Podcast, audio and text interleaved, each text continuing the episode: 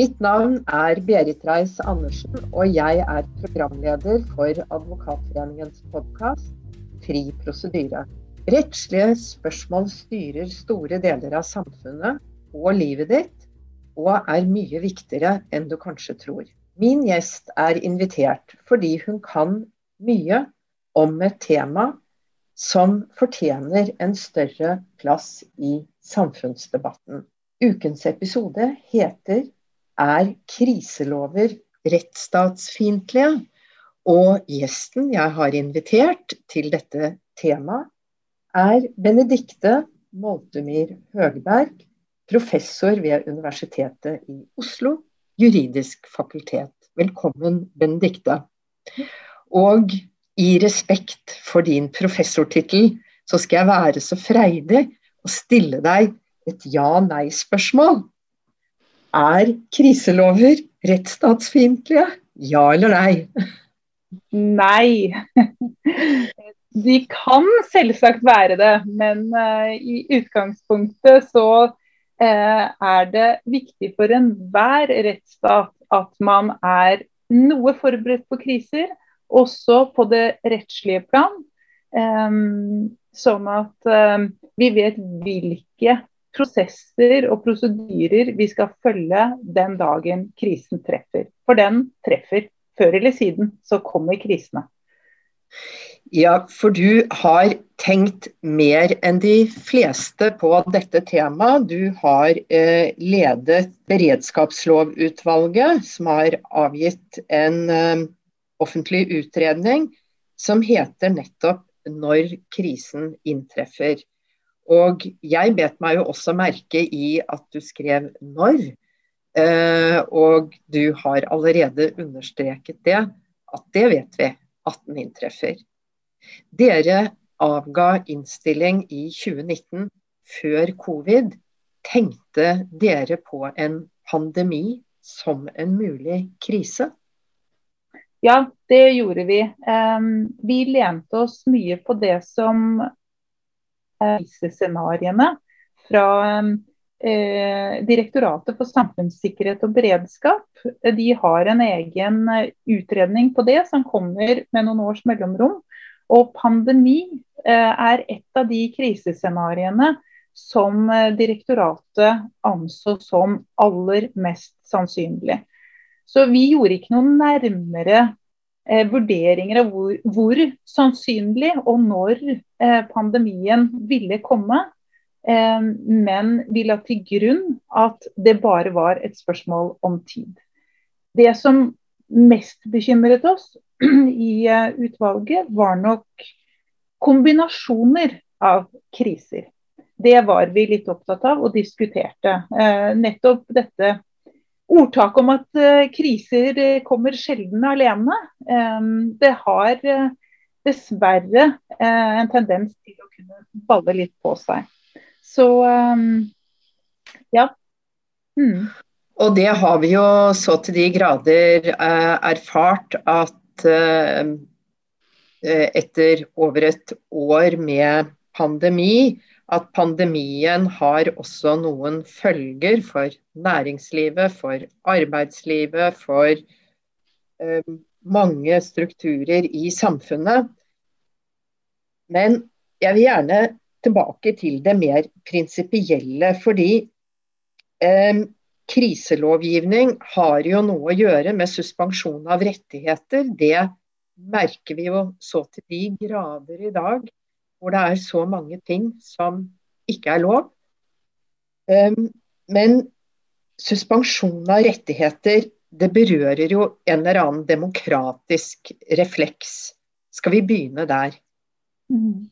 Ja, kriselovgivning har gjerne, har gjerne, det i seg at man, at man, vurderer mulighetene for å suspendere rettigheter som individene har under normale eh, tilstander i samfunnet. Og så har det også en annen side, nemlig det at man gjerne gir utvidede fullmakter til regjeringen eh, og til, til, de som styrer det, uten at man går veien om, eh, om nødvendigvis Stortinget eller andre demokratiske organer. Så det er helt klart at kriselovgivning kan ha grunnleggende hva skal vi si, udemokratiske sider ved seg.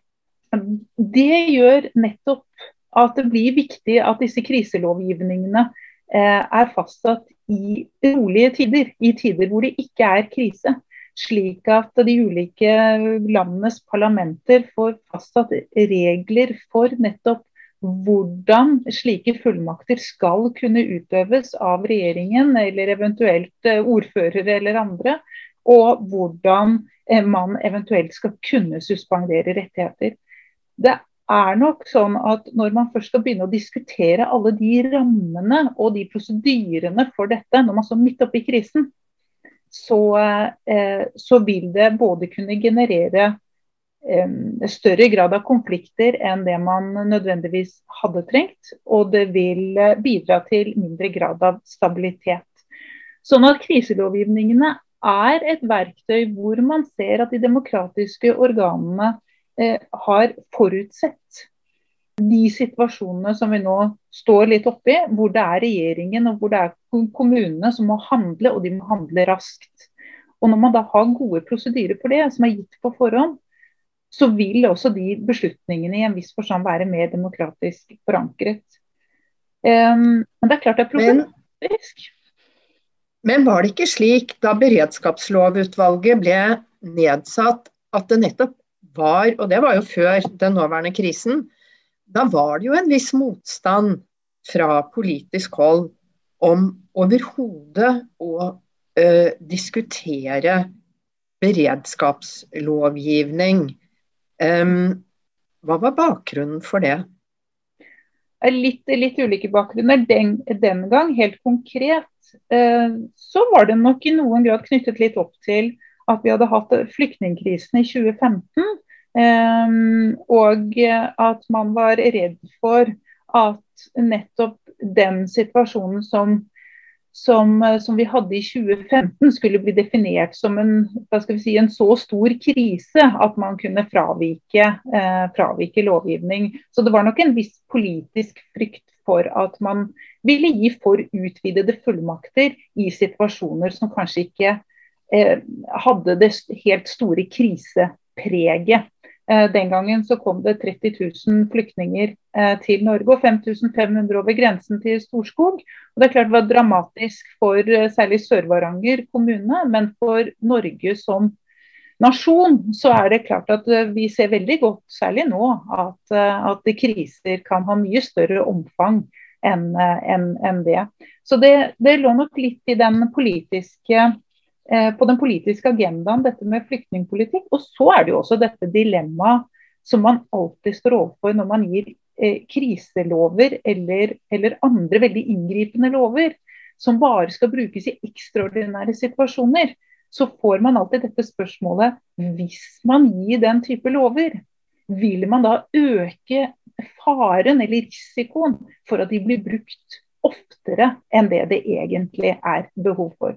Så det er, det er, på et vis en type avveining. Skal vi ha gode prosedyrer som regulerer dette på forhånd, eller skal vi på en måte stikke litt hodet i sanden og tenke at vi gir ikke denne type lovregler fordi det kan være et fare for misbruk. Vi må heller bare ta det når det kommer. Og Det er egentlig to litt ulike å tenke lovgivning på. Ja, og så har kanskje begge synspunkter eh, mye for seg. Ja. Fordi også en diktator vil forsøke å legitimere sin uh, um, urett. Uh, og samtidig så tror jeg kanskje du har et stort poeng at man får bedre lovgivning hvis man lager loven mens man holder hodet kaldt snarere enn når man står midt i krisen.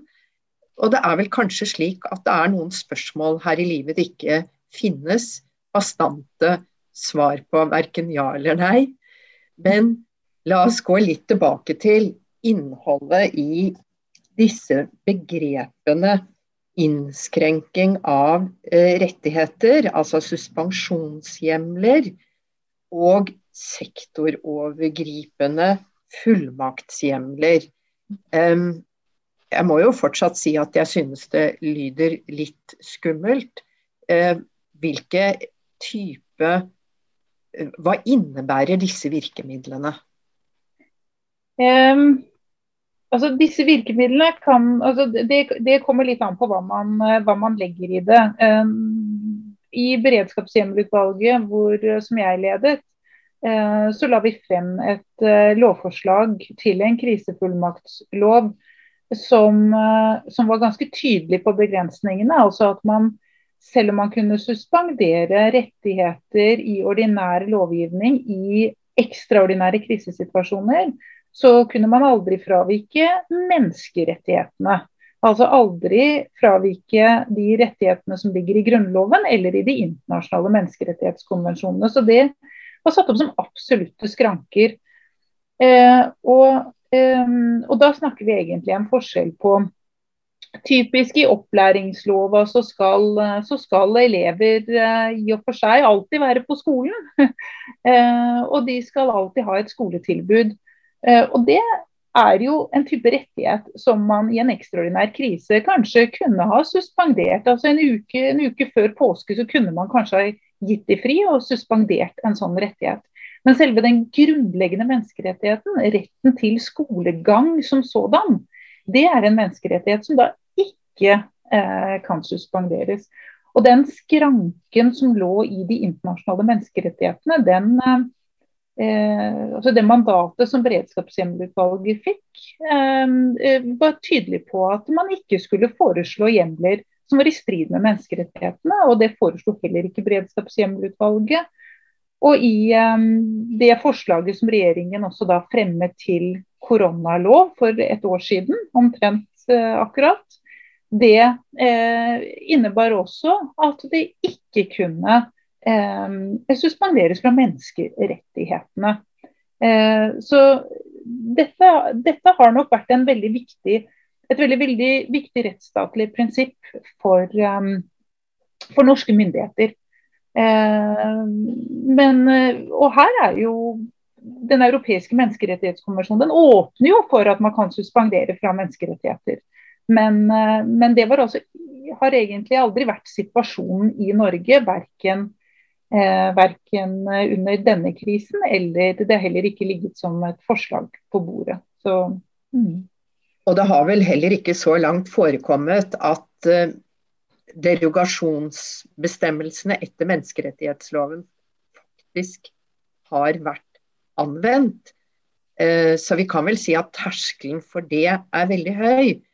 Men hvis vi tar utgangspunkt i um, uh, dette med menneskerettigheter Jeg syns du ga en god forklaring på at det var andre typer rettigheter man eh, eh, forutsatte at utvalget skulle vurdere om de kunne suspenderes. Men så er det jo ikke noe klart skille, da. F.eks. Eh, under flyktningkrisen så var det jo et spørsmål om å bosette folk veldig raskt. Og i enorme teltleire. Eh, hvor eh, man bodde i køyesenger og en gardin mellom eh, personer. Og så vet vi at retten til et privatliv er jo en grunnleggende menneskerettighet. Så eh, det er jo selvfølgelig et rettslig sett viktig prinsipp å trekke en grense. Men i praktisk krisehåndtering kan det vel være utfordrende å trekke den grensen. Ja, det er klart at når man står oppe i kriser, eh, så er det vanskelig også å trekke grensen for hva som vil være å fravike eller suspendere rettigheten som sådan, eller bare å gjøre helt lovlige, ordinære innskrenkninger i rettighetene rent midlertidig.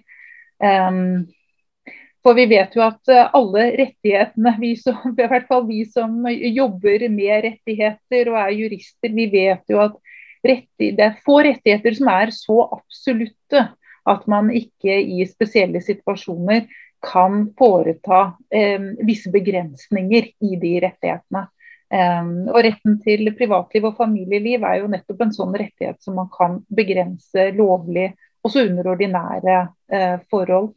Um, og så er det nok slik at under krisesituasjoner så kan man tøye den strikken enda litt lenger. Og så blir det et vanskelig spørsmål på hvor langt man egentlig kan tøye den strikken før man eh, må si at nå er rettigheten suspendert. I, I, realiteten suspendert. Og her tror jeg nok at jurister raskt vil kunne være litt uenige om hvor akkurat den grensen eh, går i de helt konkrete tilfellene. Um, og For pandemi så har vi jo dessverre ikke så mye rettspraksis eh, å lene oss på, verken nasjonalt eller uh, i EMD heller, for å trekke opp grensene for hvor, hvor sterkt vernet er i, for de ulike rettighetene under en slik krisesituasjon. Um. Ja, og det må jo ha vært uh, en usedvanlig interessant øvelse for deg, da, som har eh, jobbet så grundig med dette fra et mer teoretisk utgangspunkt, og så ganske raskt gikk inn i en historisk fase, må vi si, med eh, pandemi og rettighetsinnskrenkninger, omfattende rettighetsinnskrenkninger i samfunnet vårt. Eh, mange jurister har jo um, vært veldig kritiske til eh, covid-19-forskriften, og for ikke å, å, å, absolutt å nevne eh, de løpende endringer eh, og utvidelser av forskriften. hvis du skulle karakterisere hvordan dette har bestått sin prøve fra et rettslig ståsted, hva vil du si da? Jeg vil si at I all hovedsak så har dette, så har dette klart seg rimelig greit. Um, det meste av det som ligger i regelverket, vil jeg nok vurdere som, som, som klart og nokså åpenbart lovlige smitteverntiltak innenfor rammen av den krisesituasjonen vi står overfor. Og så kan man jo ikke se bort ifra at enkeltpersoner Eh, kan enten ha falt litt mellom mange stoler, eller de kan ha eh, blitt litt eh, oversett. Eller man har ikke helt skjønt hvilke, altså hvor inngripende noen av tiltakene har virket overfor enkeltpersoner. og Da tenker jeg kanskje særlig på, på funksjonshemmede som i, i, egen bolig ble nektet besøk av familiemedlemmer tidlig i pandemiens fase.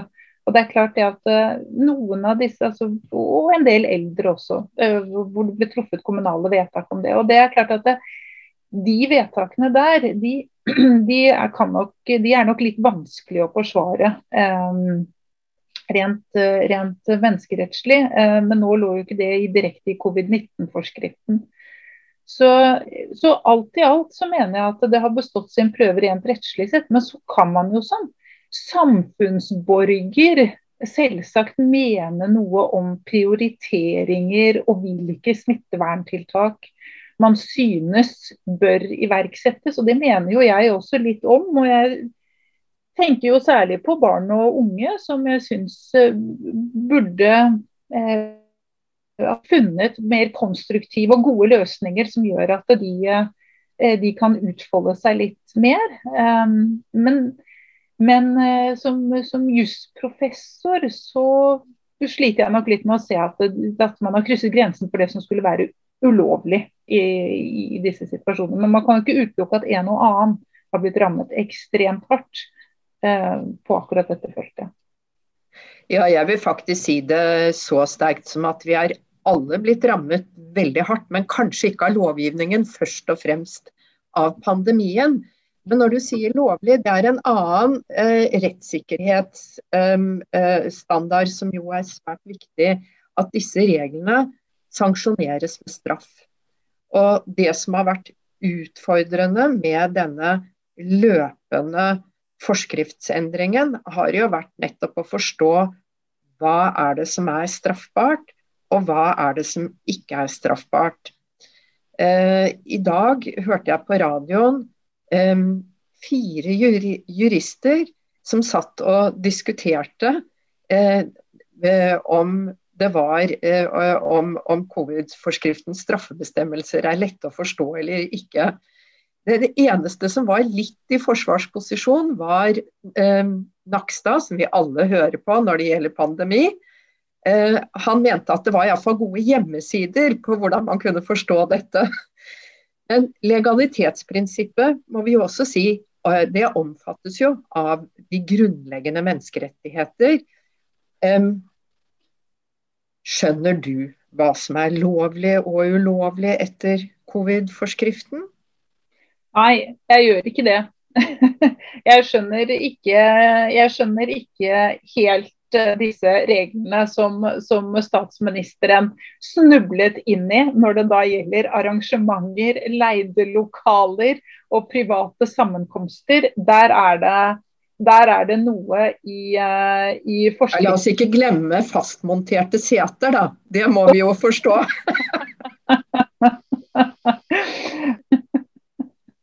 Jeg har heller ikke så mange fastmonterte seter hjemme hos meg, dessverre. Men eh, kan du hente fram Og da aner det meg at du har noen begrensninger på hvor mange du kan invitere. Men dette Jeg har blitt slått av den tanken at en krise lærer oss jo nye ting. Og nettopp dette viktigheten av legalitetsprinsippet. At straffebudet skal være vedtatt på forhånd. Det skal være kjent for befolkningen. Og det skal formidles slik at det er til å forstå. Um, dette er jo en veldig god voksenopplæring, eller en god eh, allmenndannelse for det norske folk. At dette er eh, viktige krav som vi stiller til rettssamfunnet. Så det er jo iallfall noe man kan eh, glede seg over. Hvis du nå skulle gå tilbake til beredskapsutvalget, eh, og det skal jo du jo da ikke, men er det noe du ville ha gjort annerledes? Eh, andre problemstillinger som burde ha vært drøftet, eller som burde ha vært vurdert, eh, nå sett i lys av over et år med beredskapslovgivning i praksis? Mm. Ja, det er egentlig flere ting. Eh, men jeg tror rent sånn på det mer overordnede eh, så, eh, så, foreslo vi også på bakgrunn av mandatet en krisefullmakt som kunne gjelde for alle sektorer. og Du stilte for så vidt et spørsmål om det tidligere som jeg ikke helt fikk svart på. men men det er, jo, det er, jo, sånn at vi har en del sånne små sånne krisehjemler rundt forbi i lovgivningen. Eh, og de ser veldig forskjellige ut, alt ettersom man eh, går inn i smittevernloven eller man går inn i næringsberedskapsloven eller sivilbeskyttelsesloven, så ser alt dette forskjellig ut. Så det er, litt, det er en litt um, rotete kriselovgivning totalt sett som vi har. Og som da blir full av masse huller i forhold til hva, hva, slags tiltak man kan iverksette. Så man trenger nok en overordnet lov. Men det jeg har tenkt på i ettertid, det er vel kanskje om den loven heller burde hjemlet eh, en prosedyre for, eh, og en fremgangsmåte for å gi en spesifikk lov som, som er rettet inn mot den krisen man skal håndtere. Ser bl.a. Storbritannia har en egen pandemilov, og nå har også Sverige fått det. Og de er jo, Dette er på mange måter en type smittevernlov som er helt konkret tilpasset akkurat denne pandemien. Og Det er mulig at, at det kanskje heller er veien å gå. og Da kunne vi nok også, eh, hvis vi hadde hatt en type rammelov på det, kanskje vært bedre forberedt på nettopp å ha klare, klarere straffehjemler også på utformingen av hva som skal være straffbart, og, og hvor klar den lovgivningen er. Eh, det som er noe av problemet der i dag, eh, er jo både litt det at covid-19-forskriftene er ganske utydelige på, på enkelte punkter. Eh, og så har man den ulempen at dette endres hele tiden. Så det er jo en, det er på en måte en sånn dobbel, dobbel eh, forvirring som lett kan oppstå. Men mener du at det er en løsning at man f.eks. har altså, en egen naturkatastrofelov, en egen terrorangrepslov? Er det veien å gå for hvordan et samfunn skal møte disse store, omfattende krisene? Nei, jeg tenkte ikke egentlig at man har den type lovgivning liggende eh, altså, og har vedtatt det. Jeg tenkte snarere det at i en generell og sektorovergripende krisefullmaktslov så, så, eh, så gis det hjemler for å, å, sette i verk nettopp da en pandemilov, f.eks. i det øyeblikket man skjønner at man står overfor en pandemi. Um, Eh, og hvis det er muligheter for å ta det rett i Stortinget, så må man jo gå den veien og få det vedtatt der og da. Så jeg tenker egentlig at disse lovene vedtas i det øyeblikket man står oppe i akkurat den krisen. Um, og hvis, hvis, det er slik at Stortinget da ikke har muligheten til å samles fordi pandemien potensielt er så farlig at Stortinget ikke helt får område seg, så vil det da i den overordnede krisefullmaktsloven være hjemler for regjeringen til midlertidig å iverksette en pandemilov inntil Stortinget kan samles igjen. Det var mer det jeg tenkte, ikke at vi hadde en pandemilov permanent. Jeg forstår. Eh, en dag så er også denne krisen over, eh, og vi er alle vaksinerte. Eh, og vi får håpe at vi da nettopp med et kjølig hode greier å sette oss ned og diskutere hvordan eh, kriselover egentlig skal se ut for den neste krisen. Og jeg vil takke deg, eh, Benedikte, for at du kom hit, og ikke minst at du også i fremtiden i den debatten vil gi viktige premisser og innspill.